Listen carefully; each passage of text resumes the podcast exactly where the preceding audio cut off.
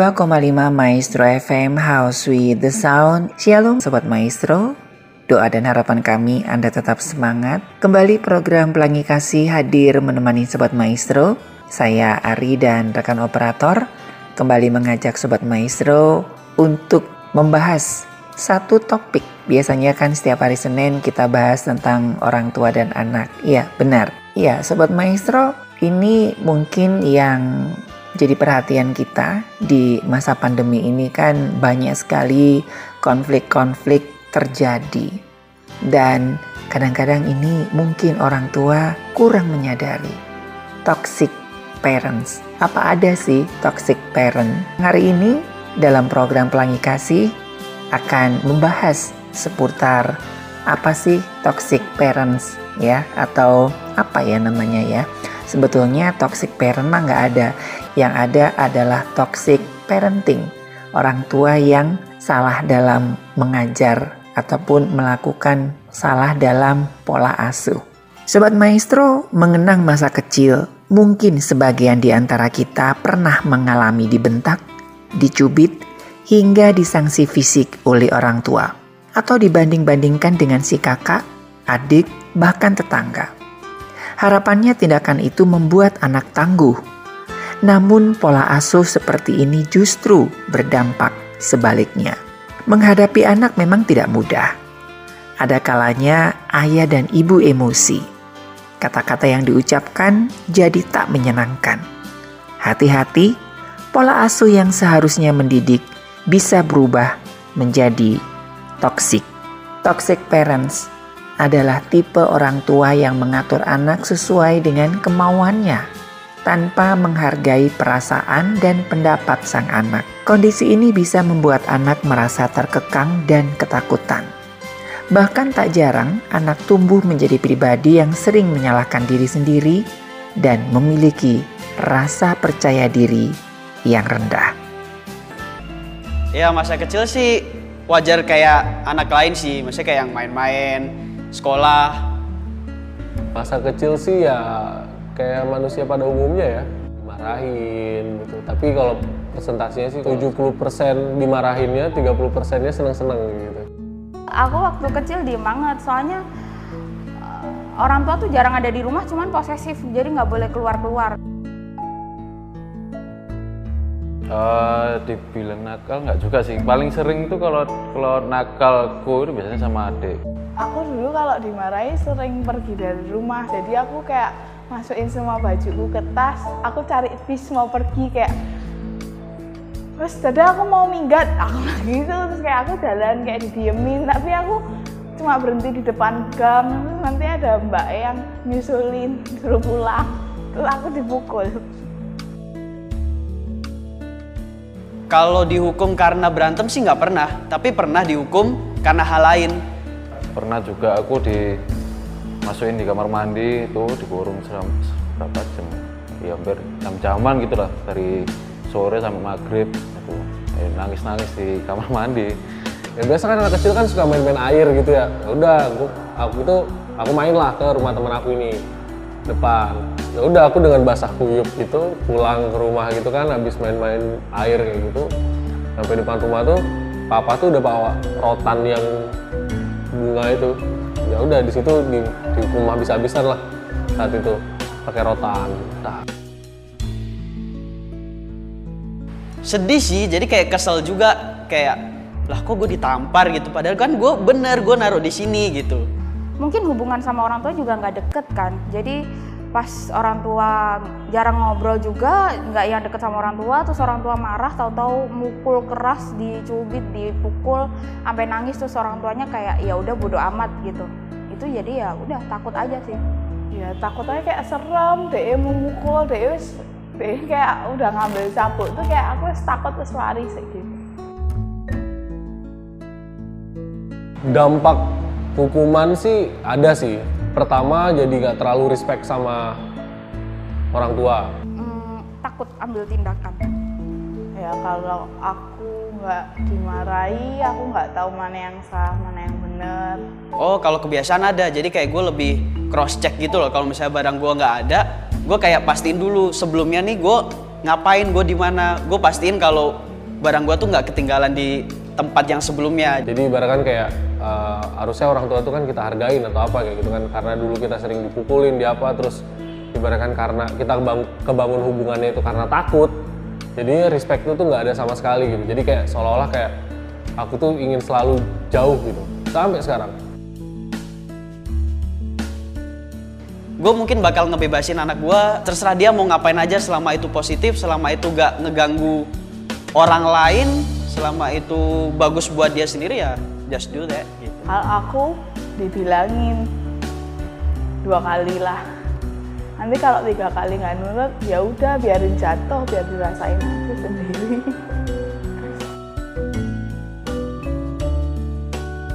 mungkin nyari istri yang eh, tahu tentang parenting lebih dari gua jadi dia lebih jago tentang parenting daripada gua karena gue yakin sih ibu itu punya kayak connecting sendiri sama anaknya.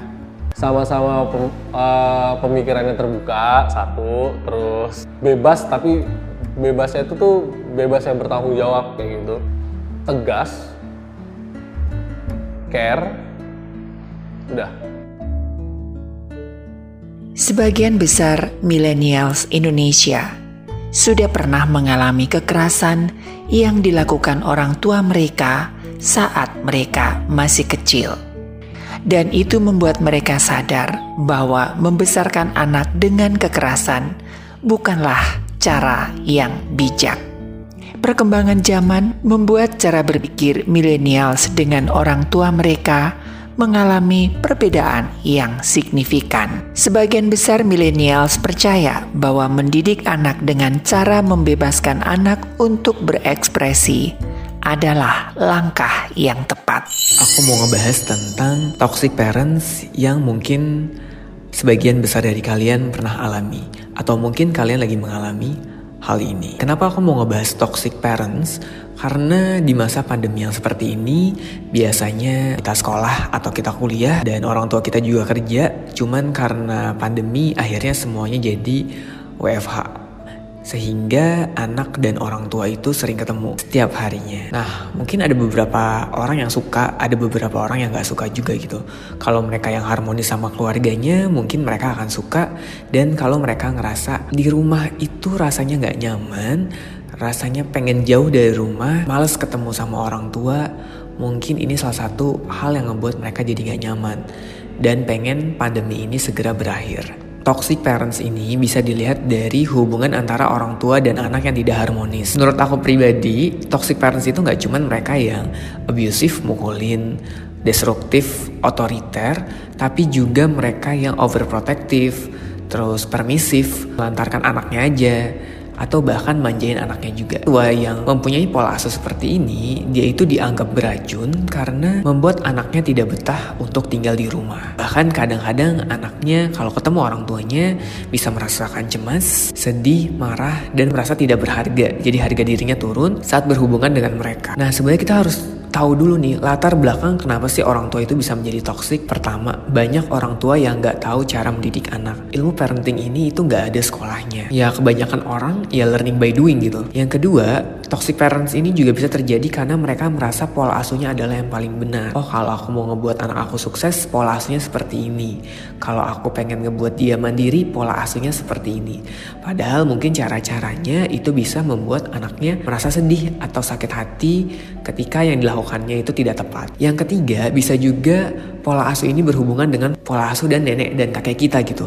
Karena waktu dulu orang tua kita dididiknya dengan pola asuh seperti itu, akhirnya mereka melanjutkan pola asuh yang dilakukan oleh kakek dan nenek kita. Atau keempat, mereka tidak mau belajar untuk mengembangkan pola asuh yang baik. Yang harus kalian ketahui adalah toxic parents nggak cuma ada di keluarga yang suka mukul anaknya atau otoriterin anaknya, punya tuntutan yang berlebihan dan lain-lain, tapi di keluarga yang harmonis itu juga toxic parents ini bisa terjadi. Pengalaman aku ya, aku dulu ngerasa orang tua aku juga toxic dan aku lihat pola asuh orang tua aku itu mirip sama pola asuh saudara-saudaranya. Dan kalau aku lihat lagi ternyata itu didapatkan ketika kakek dan nenek aku melakukan pola asuh. Gue sempet dapet yang kayak pola asuh kalau belajar itu kalau nggak ngerti penggaris itu udah di samping. Jadi kalau misalnya nakal atau apa beberapa kali gue dipukul terus sempet dapet juga dikunci di kamar mandi. Kalian pernah gak sih dikunci di kamar mandi?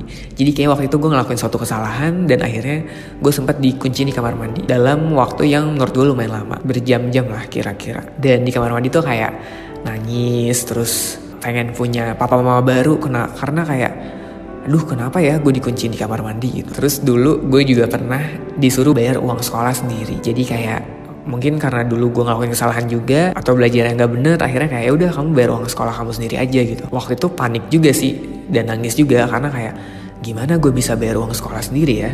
Karena kerja belum eh, masih remaja. Di waktu itu menurut gue itu suatu hal yang gak mungkin gitu untuk dilakukan. Dan yang paling kerasa sih orang tua gue tuh cukup overprotective ya sama gue walaupun gue adalah anak laki-laki ada hal-hal yang harus gue patuhi. Contoh semasa gue sekolah gue nggak boleh pulang malam kayak ada batasan jam malamnya jam berapa. Kadang kalau maghrib belum pulang itu udah kayak kamu ke mana aja, kamu ngapain aja? gitu.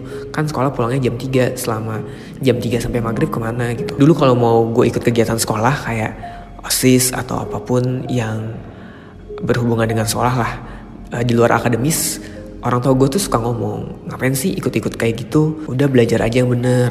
Papa mama udah tahu yang terbaik jadi ikutin orang tua aja. Orang tua tuh udah tahu asam manisnya kehidupan. Gue kayak, hah? Kenapa gitu gitu?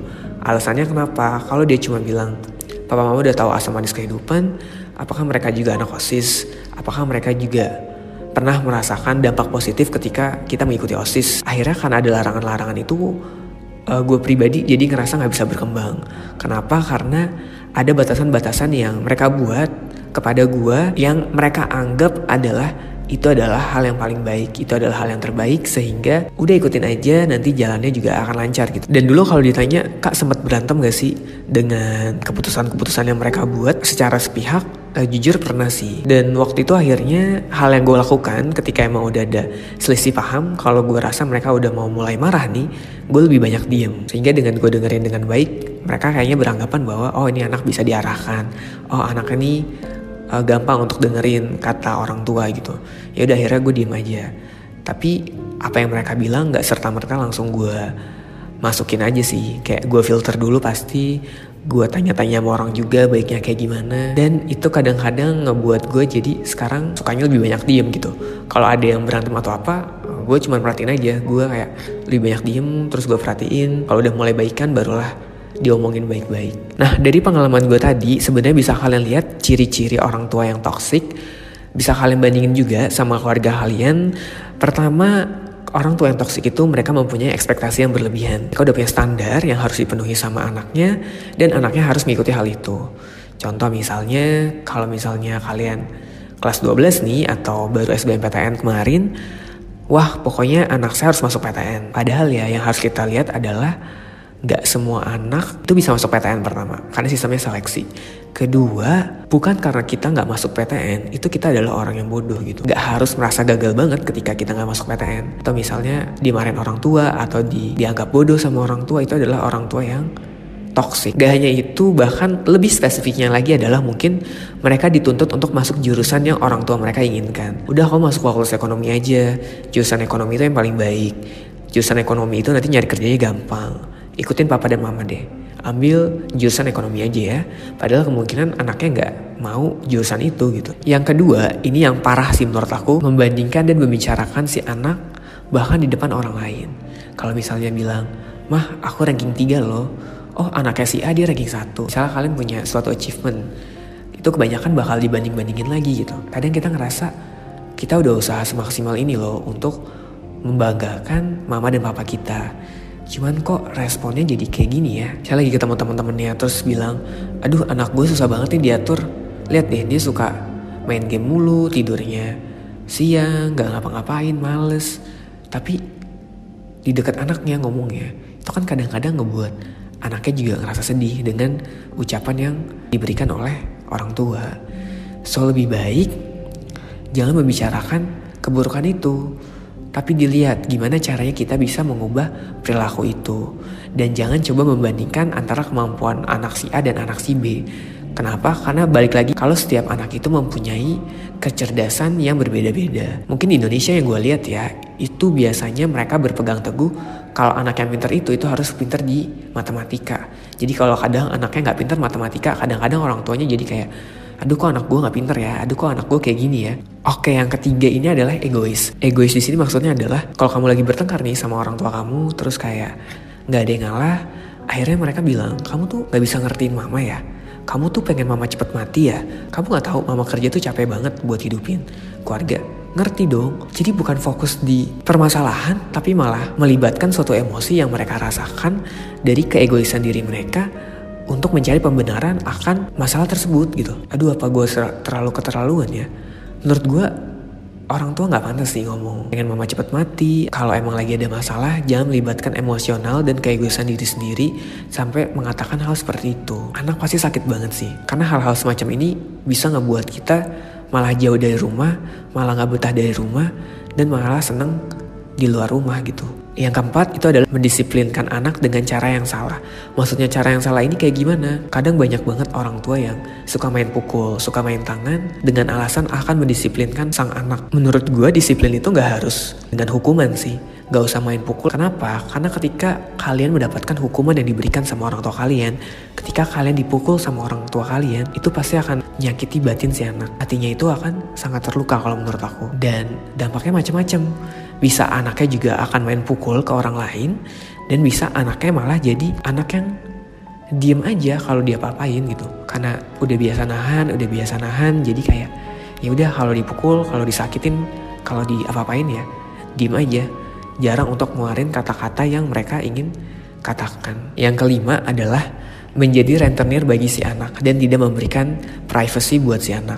Maksudnya rentenir apa? Dia mungkin ngungkit hal-hal yang udah dia keluarkan agar anak mematuhi apa yang ia inginkan. Contoh misalnya kayak mama tuh bayar sekolah kamu mahal loh. Kayak awas ya kamu gak masuk PTN, mama udah bayarin kamu sekolah mahal-mahal, udah lesin uh, kamu di tempat les yang bagus mahal-mahal. Kan menurut aku itu kemungkinan besar ngebuat anaknya jadi cemas, ngebuat anaknya jadi ada beban yang harus dia pikul ketika orang tuanya mengatakan hal seperti itu. Jadi kayak ada suatu ancaman dari apa yang telah mereka keluarkan dari dana yang mereka sudah salurkan untuk uh, pendidikan sang anak. Nah, terus dampak yang muncul itu seperti apa sih? Bisa membuat anak menjadi cemas, bahkan depresi, dan malas banget tinggal di rumah, pengen jauh dari rumah. Kenapa? Karena kalau ke rumah pasti bawaannya berantem, bawaannya gak tenang, bawaannya merasa tidak dimengerti oleh kedua orang tuanya buat kesalahannya cuma dua, kok dimarahinnya tiga sih? Kok dimarahinnya lima sih? Marahnya berlebihan. Yang kedua, ini sebenarnya bisa membuat mengkonsumsi obat-obatan dan narkoba atau bahkan minuman-minuman beralkohol. Coba deh kalian tanya sama teman-teman kalian yang mungkin lagi stres, terus coping stresnya, cara dia untuk menangani stresnya kayak merokok, minum beralkohol, atau narkoba. Coba kita lihat latar belakangnya, dia kenapa? Ada nggak salah satu dari mereka yang kayak punya hubungan yang tidak baik dengan orang tuanya, atau lagi merasa gak aman di lingkungan keluarganya. Ketiga, kalian bisa mempunyai krisis kepercayaan dengan orang lain. Pernah gak sih kalian kayak susah untuk percaya sama orang lain? Atau misalnya kalian ngerasa orang lain gak bisa ngertiin kalian. Nanti setelah kalian beranjak dewasa ya, atau remaja akhir, kan kalian udah mulai tuh berinteraksi dengan orang-orang yang ada di dunia luar. Kan akan kelihatan sifatnya oh dia ternyata suka mukul misalnya suka bentak-bentak atau suka ngeluarin kata-kata kotor. Atau dia kok pemarah banget ya? Gak mau kalah kalau berdebat dan lain-lain. Sebenarnya itu ada hubungannya dengan pola asuh yang diberikan oleh orang tua kalian. Nah yang keempat ini gampang menyalahkan diri sendiri atau merasa harga diri kalian sendiri rendah. Oke, ini juga bisa berdampak dari orang tua kalian. Mungkin dulu waktu kalian kecil kalian sering dibilang bodoh sama orang tua kalian. Kalian bisa dibilang kalian gak bisa apa-apa. Kalian cuma nyusahin orang tua aja. Jadi itu ngebuat anaknya kalau dapat salah sedikit atau dikritik sedi- sedikit kayak aduh iya nih aku bodoh. Aduh iya nih aku emang gak berguna. Kayak orang tua aku aja bilang aku gak berguna.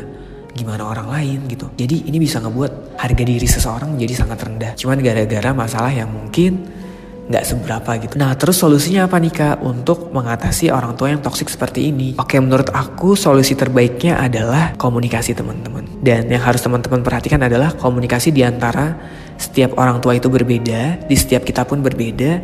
Jadi teman-teman harus tahu komunikasi yang baik sama orang tua itu seperti apa. Aku akan coba bicara dengan baik di saat yang tepat dan di waktu yang tepat. Nah aku mau bilang kalau emang apa yang mereka utarakan itu ngebuat hatiku sakit loh, ngebuat jiwaku jadi gak sehat mental loh, pah, ma. Aku coba untuk ngomongin hal itu. Dan jujur ya teman-teman, untuk tahu waktu yang tepat itu kapan, untuk bilang apa yang aku rasakan itu kayak gimana, itu butuh proses yang lumayan panjang. Gak satu hari, satu malam aku niatin langsung jadi gitu. Aku coba cari alurnya dulu. Aku coba berusaha nenangin diri aku dulu kalau emang lagi punya konflik dengan orang tua. Kayak waktu zaman-zaman remaja, aku coba diam diri dulu walaupun dalam hati aku tuh kayak pengen ngelawan gitu pengen gak mau kalah. Cuman aku tahu kalau aku kalah dengan keegoisan diri aku sendiri itu malah ngebuat jadi ambiar nantinya. Jadi aku dan orang tua aku jadi gak ketemu solusinya seperti apa. Karena dua-duanya batu jadi ya kayak gak nemu solusinya kan jadi aku belajar tenangin diri aku belajar diem dulu. Nah, waktu aku diem ternyata orang tua aku juga udah tenang, udah ngasih yang pengen dia omongin apa. Barulah sehari dua hari kemudian aku jelasin maksudnya gini loh ma, maksudnya gini loh pa, aku pengen ikut ini, pengen ikut itu, tujuannya tuh buat ini. Dan walaupun sempat kayak ditolak juga, cuman ya kayak akhirnya mereka tahu yang aku maksud apa, yang aku inginkan apa, dan aku udah berhasil mengkomunikasikan hal itu. Nah, kalau komunikasi antara orang tua ini, kalian udah coba ngelakuin yang tadi dan juga masih belum bisa juga, orang tua kalian juga belum bisa terima juga kayak masih marah-marah akhirnya baru disinggung sedikit langsung marahnya ke mana-mana aku saranin sih coba mulai cintai mereka dari jauh. Maksudnya apa? Maksudnya tetap berusaha untuk perbaikin diri kita dan coba mengerti mereka tanpa harus melalui pertengkaran gitu. Jadi kasih jarak tapi kasih jarak bukan untuk menghindar dari permasalahannya tapi untuk memperbaiki diri kita sendiri dulu kita refleksiin diri lagi apakah ada yang salah atau enggak omongannya. Mencoba untuk menghindari konflik kalau emang kalian orang yang cukup sulit untuk menghindari konflik. Kenapa? Karena kalau konflik jatuhnya jadi dosa kan nantinya. Jadi berantem atau kayak gimana. Jadi kalian aku saranin jaga jarak dulu. Kita pikirin lagi, refleksiin lagi yang bagus omongannya seperti apa, kita pahamin lagi orang tua kita seperti apa, dan kita coba mengkomunikasikannya ketika kita udah tahu mereka ini orangnya seperti apa. Dan harus kita ketahui, orang tua kita juga manusia, orang tua kita juga bisa melakukan kesalahan dan kita pun juga bisa melakukan kesalahan. Jadi mau orang tua kita yang salah atau kita yang salah, cobalah untuk memaafkannya terlebih dahulu dan coba minta maaflah duluan pada orang tua kita walaupun orang tua kita yang salah di mata kita. Sekarang yang harus kita lihat, yang harus kita perjuangkan adalah gimana caranya kita bisa memutuskan rantai dari toxic parents ini. Jangan sampai kita juga menjadi toxic bagi anak-anak kita nantinya. Toxic parents ini, orang tua yang toxic itu bisa menimbulkan anak-anak yang toxic yang bisa membuat hubungan antara mereka dengan orang lain menjadi toxic. Sehingga ketika kita memutuskan rantai ini, kita bisa membuat hubungan antara kita dan orang tua kita menjadi lebih baik dan juga antara kita dan orang lain menjadi lebih baik juga. Well, teman-teman, kalau kamu merasa ada di dalam lingkungan itu, atau kamu merasa memiliki pola asuh seperti orang tua yang dengan cara begitu, silahkanlah sadari, keluarlah dari lingkaran ini. Terus gimana mbak kalau kita sebagai anak dealing dengan orang tua yang toksik atau parenting yang toksik? Siapa sih yang gak mau punya orang tua yang selalu mendukung anaknya, yang gak pernah ngelarang, yang memberi kebebasan untuk memilih jalan hidup, dan juga memfasilitasi apa pun yang anaknya butuhin. Tapi sayangnya, untuk dapat orang tua yang seperti itu, yang memberikan restu dalam setiap keputusan anaknya, itu nggak mudah loh teman-teman. Satu hal yang nggak bisa kita pilih dalam hidup, takdir memilih orang tua. Kalau aku bilang orang tua punya niat jahat sama anaknya itu pasti kayaknya bisa dihitung dengan jari lah, kayaknya nggak mungkin uh, ada niat untuk menjadi toksik bagi anaknya. Cuma kadang-kadang pengasuhannya yang tidak tepat padahal tujuannya baik. Oke teman-teman, sekarang kali ini aku bakalan menganalisa toxic parents atau toxic parenting. Ciri-cirinya seperti apa sih? Nah, sebagian dari kita mungkin kalau dengar toxic parents itu terlintas kalau mereka tuh selalu mengekang, secara verbal dan non-verbal menyakiti, fisik dan psikis. Tapi ternyata toxic parents ini juga ada yang tipikal memberikan kebebasan, cenderung permisif dan tidak pernah memberikan demand atau target pada anaknya. Aku akan bahas ada empat pola asuh teman-teman mungkin udah pernah ya di salah satu channel uh, episode di Analisa Channel ya, tapi aku ulang lagi deh. Empat tipe pola asuh yang menurut aku ini bisa kita pelajarin dan tiga di antaranya adalah toxic parenting. Toxic parenting itu yang pertama adalah yang tadi nih, anaknya mau apa pun dikasih. Ma aku boleh ini ma boleh, pa aku boleh ini pa boleh, tanpa ada target. Jadi dia cenderung undemanding but supportive. Itu adalah orang tua dengan toxic parenting permissive style. Nah, style yang kedua yang cenderung demanding, memberikan target, tapi nggak pernah support. Jadi ini tipe kali yang otoriter. Ma aku boleh ini nggak? Enggak, pokoknya kamu harus nurut mama titik otoriter. Otoriter ini cenderung membuat anak jadi gampang baper. Biasanya mereka dengan verbal non-verbal uh, agresivitas gitu ya. Baik orang tua maupun anak juga cenderung seperti itu. Otoriter. Nah, style ketiga adalah style yang cenderung acuh ma aku boleh ini bodo amat terserah lah dan nggak pernah ada target jadi kayak apa ya undemanding and unsupportive gitu. Jadi mau apa pun anaknya silahkan dan nggak pernah disupport apa pun. Itu adalah tipikal style yang acuh. Nah sekarang teman-teman sebaiknya seperti apa mbak Ana? Sebaiknya ini nih pola asuh yang sulit tapi kalau bisa nih setiap orang tua harus punya demand atau target. Arahan terhadap uh, pilihan hidup anak harus diberikan dong karena orang tua sudah pernah menjalani hidup ini gitu kan. Tapi mereka harus bisa mensupport tidak hanya secara materi tapi juga non materi. Non materi ini seperti pujian, dukungan atau sekedar anak-anak butuh untuk dapat tempat bercerita. Apresiasi yang sifatnya non materi ini bisa membuat anak merasa tumbuh dan berkembang dalam hidupnya. Oke teman-teman, terus gimana ya cara kita mengenali ciri-ciri toxic parenting? Jangan-jangan kita sebagai orang tua juga memberikan pola asuh yang seperti ini. Oke, ciri-ciri pertamanya ya, yang paling gampang. Orang tua tidak bisa memberikan kasih sayang dan perasaan aman pada anaknya. Jadi anak merasa tidak mau dekat dengan orang tuanya. Ciri-ciri kedua, orang tua selalu mengkritisi tindakan dan pilihan anaknya yang dianggap selalu salah di mata mereka salah kamu nih, harusnya kamu tuh begini, harusnya kamu begitu.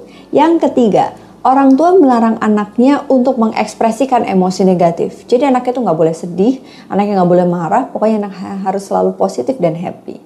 Yang keempat, orang tua menganggap setiap ucapan dan keputusannya harus berdasarkan pemikiran orang tua, bukan anak. Jadi satu arah, tanpa pengecualian. Yang kelima, orang tua biasanya membebankan satu kebahagiaan mereka kepada anaknya. Jadi aku bahagia kalau anakku tuh ranking satu. Aku bahagia kalau anakku tuh berhasil jadi PNS, naik jabatan, kerja di sini, kuliah di sini. Kalau enggak, mereka akan tidak bahagia. Terus kemudian yang berikutnya, orang tua menjadikan anaknya adalah aksesoris atau trofi. Eh tahu nggak sih cerita ke teman-temannya, anakku tuh habis juara kelas dan ini too much, terlalu berlebihan. Dan yang terakhir biasanya mereka suka membandingkan anaknya dengan anak teman-temannya atau anak-anak yang lain.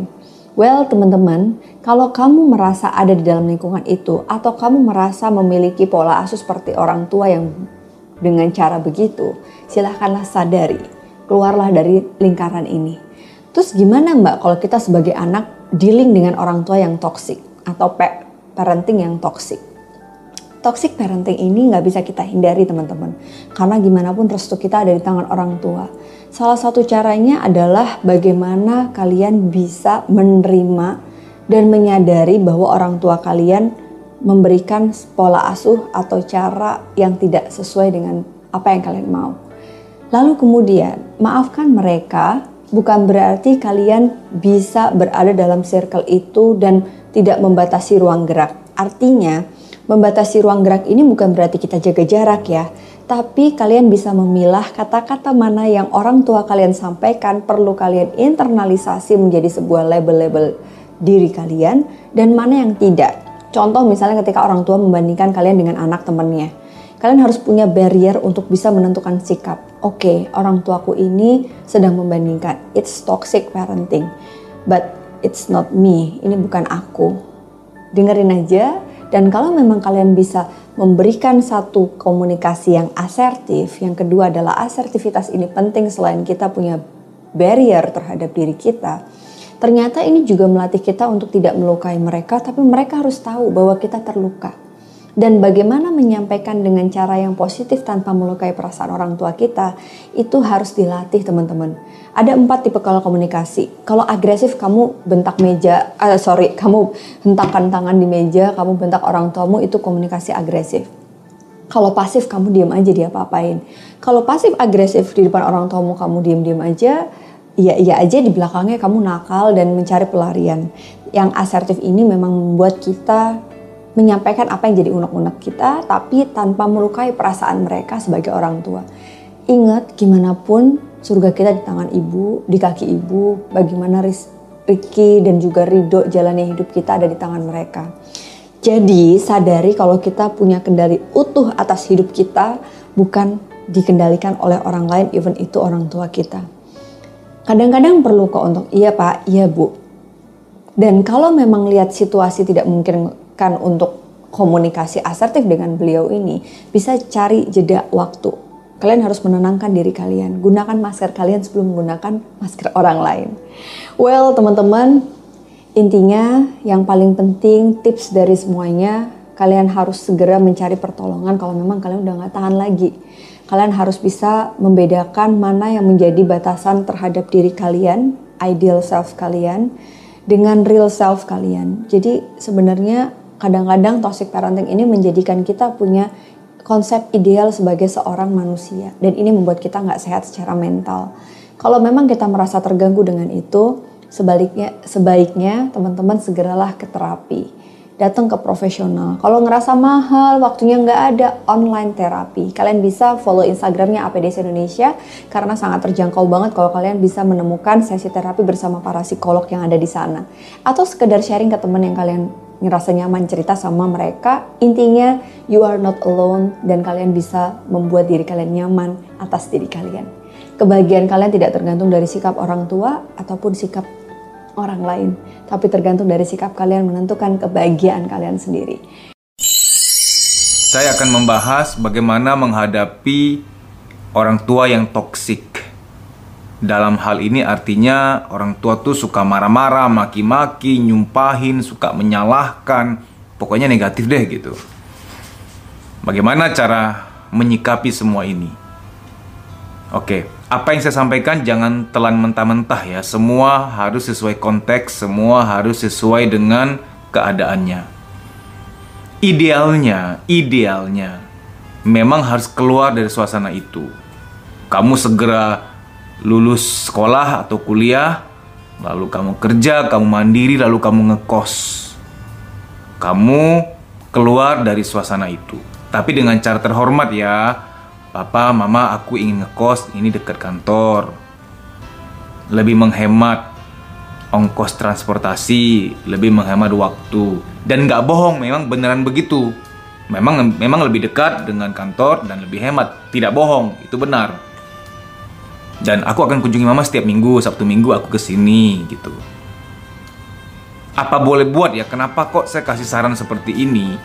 Karena kalau kamu terus-menerus berada setiap hari di kondisi itu, pagi, siang, malam, apalagi kamu tahu seperti saya pernah katakan, subuh hari atau malam hari tidak boleh mendengar dan melihat yang negatif karena subuh atau malam hari itu alam bawah sadar terbuka lebar jadi apa yang kamu lihat dan dengar itu langsung masuk tuh, langsung nyantol tuh tanpa filter. Nah, sehingga ya perlu menjaga dua gerbang utama itu yaitu subuh dan malam hari. Kalau kamu terus menerus begitu dirudung terus tiap hari, khawatirnya kamu akan jadi toxic people yang berikutnya. Kamu akan jadi orang toxic berikutnya yang kemudian toksik bagi anakmu, bagi pasanganmu kelak. Tapi tentu ngomong dengan terhormat kepada orang tua ya. Mas, aku sekarang masih sekolah ya, mana bisa? Ya, mungkin harus berjuang. Ini ujiannya kamu apa boleh buat. Ya, tunggu sebentar lagi berjuang, belajar. Nanti kemudian kerja, mandiri, ya kamu tinggal sendiri, ngekos atau ngontrak sendiri. hampir tiap hari menangani pribadi anak-anak yang terlalu banyak luka, terlalu banyak sampah batin. Saya bukan sekali dua kali, sebulan dua bulan, setahun dua tahun ya Bapak Ibu, tapi sudah belasan tahun. Saya menangani banyak seperti ini, anak-anak yang jiwanya banyak racun dari orang tua baik anak-anak yang masih remaja maupun anak-anak yang sekarang sudah dewasa sudah umur 30-40 tahun tapi mengaku bahwa masih terganggu dengan beban-beban masa lalunya. Syukurlah kalau orang tua bapak ibu mohon agak direm mulutnya gitu ya. Belajarlah adil untuk anak gitu loh. Saya memang bukan siapa-siapa yang gak berhak menasihati bapak ibu tapi saya minta tolong untuk mengetahui bahwa anakku adalah hartaku kalau ia bahagia, aku pun bahagia. Karena nanti di masa tua akan ada penyesalan, kasihannya cucuku juga dimarah-marahin oleh anakku. Ini akibat aku sering marah-marahin anakku dulu gitu. Nanti di masa tua malah nggak tenang, di masa-masa pensiun malah mikirin cucu, kasihan cucu gitu kan. Jadi nggak nggak kelar-kelar jadinya gitu loh. Wahai kamu yang punya orang tua toksik, itu yang pertama tadi, idealnya tuh begitu. Keluar dari suasana itu, itu idealnya. Tapi jangan dipaksakan, terus kamu malah memberontak, kamu ngekos sendiri. Waduh, saya nggak tanggung jawab deh. Kan itu saya bicara idealnya, ya. Itu pun tunggu kamu udah mandiri, udah kerja, silakan ngekos, silakan ngontrak sendiri. Supaya kamu keluar dari suasana itu, ya. Nah yang kedua, kalau kamu nggak bisa keluar, ada cara kedua, kamu tumbuhkan rasa kasihan pada orang tua kamu. Kasihan beliau setiap kali beliau maki-maki, beliau marah-marah, beliau tidak adil padamu, ngomong dalam hati, kasihan papa, kasihan mama. Pasti karena papa kurang bahagia. Pasti karena mama kurang bahagia. Ini bukan saya ajarin kamu yang enggak-enggak. Oh, mas berarti ngedoain orang tua kurang bahagia. Bukan, bukan.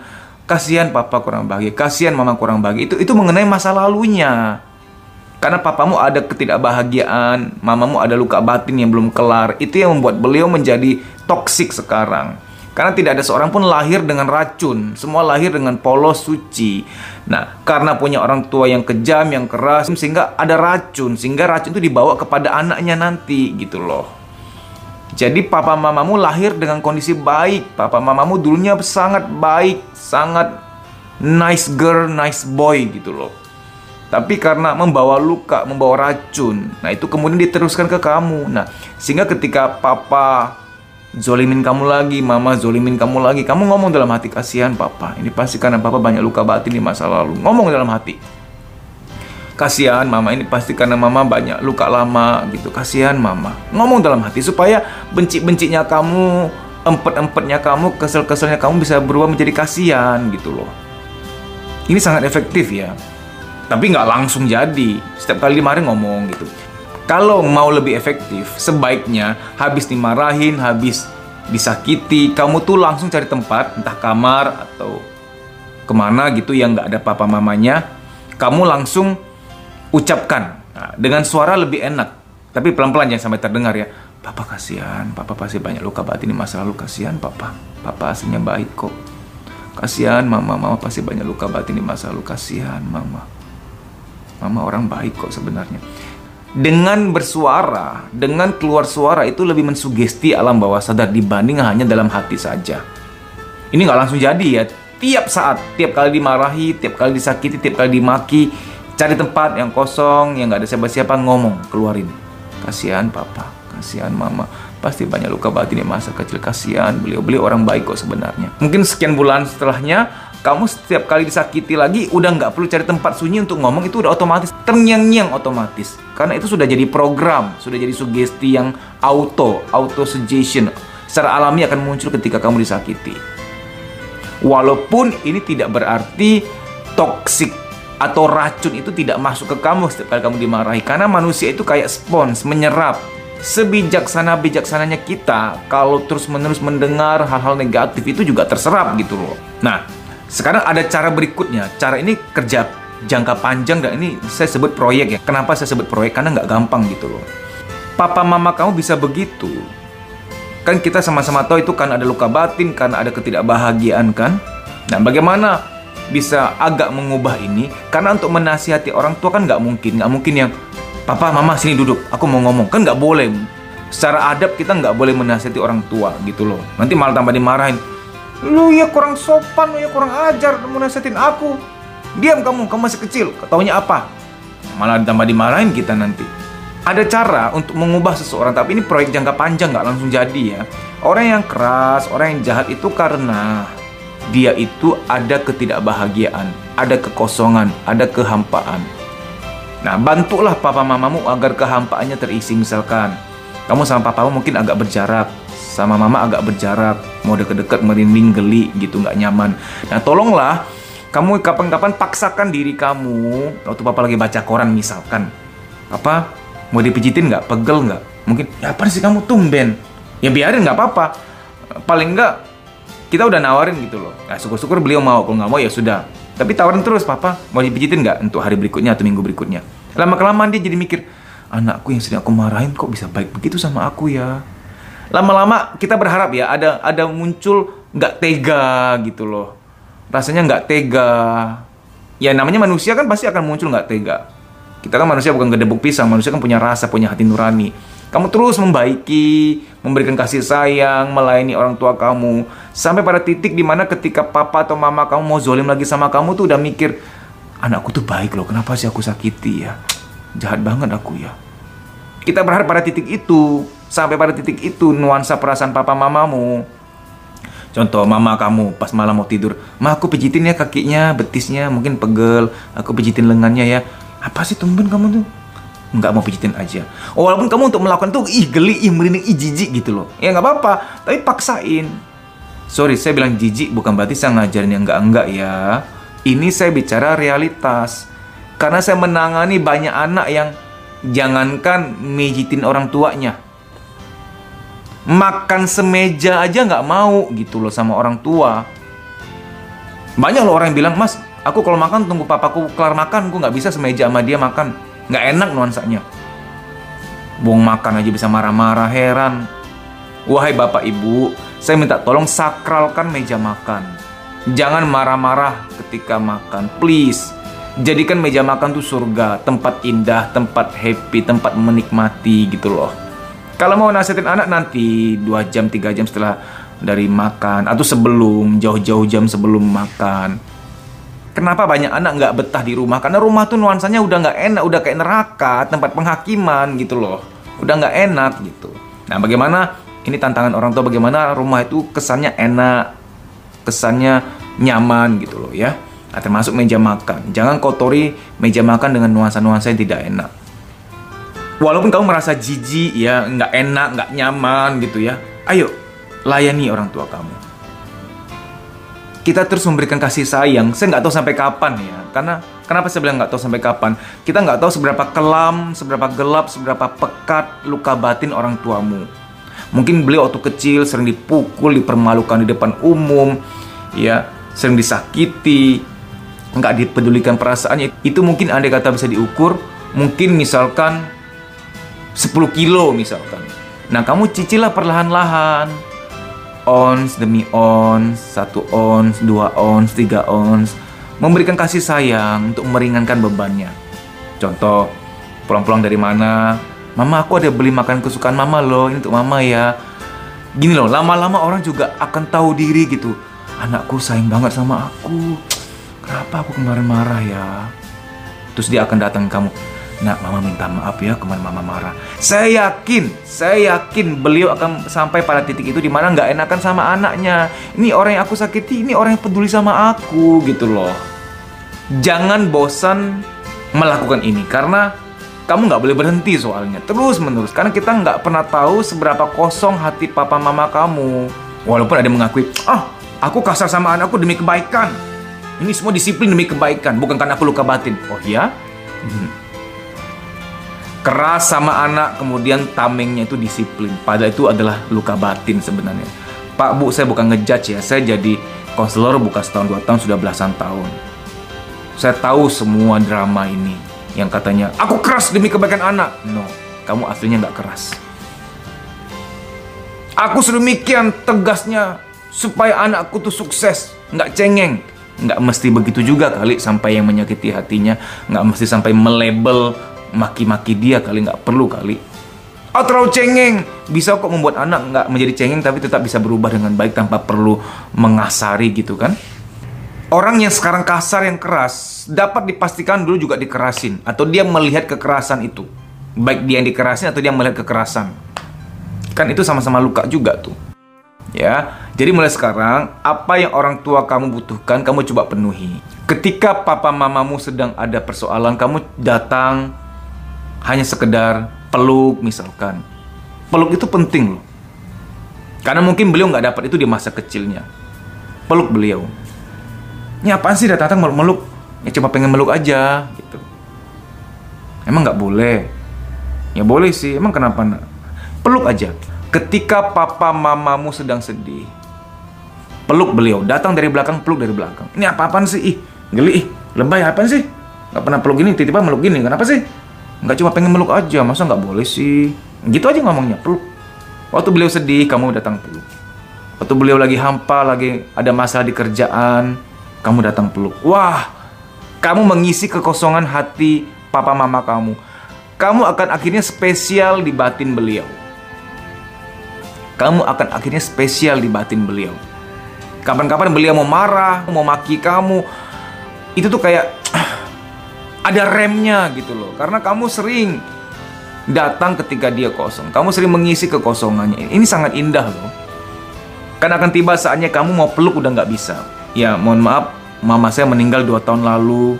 Ya setiap orang tua ada salah, ada kekurangan, ada kelebihan. Walaupun ya mama saya sebagai manusia ya pernah salah, Walaupun saya pernah sebel juga gitu. Tapi setelah beliau tiada rindu banget, pengen pelukan kadang suka ngomong-ngomong sendiri, "Mama, aku rindu sama mama." Aku berharap beliau dengar gitu loh.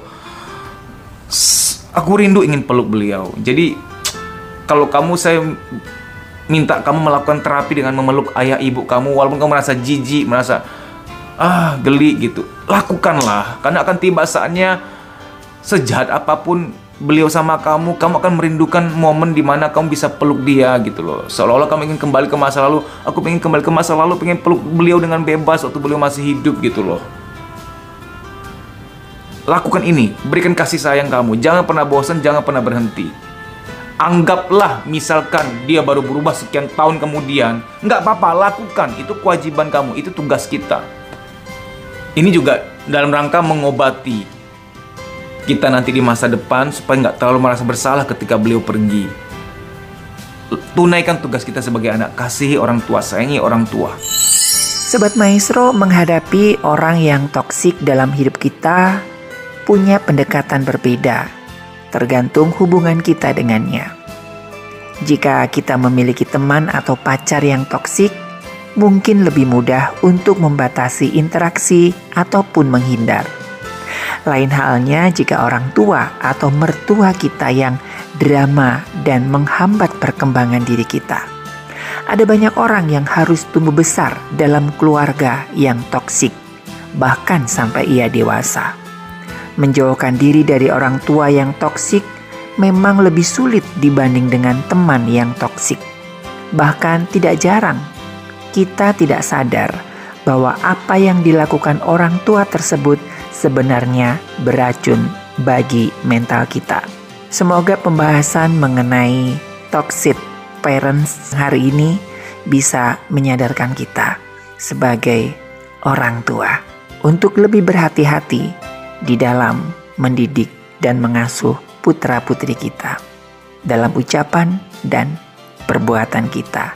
Sekali lagi terima kasih untuk menganalisa YouTube channel, Kuliah Psikologi YouTube channel, Rifki Hadian YouTube channel, dan IDN Times YouTube channel. Dari Gerah Maestro Jalan Kaca Piring 12 Bandung, saya Ari dan rekan operator mengundurkan diri dari program Pelangi Kasih. Tetap jaga protokoler kesehatan dan selamat menjadi orang tua yang tangguh. Dan Tuhan memberkati.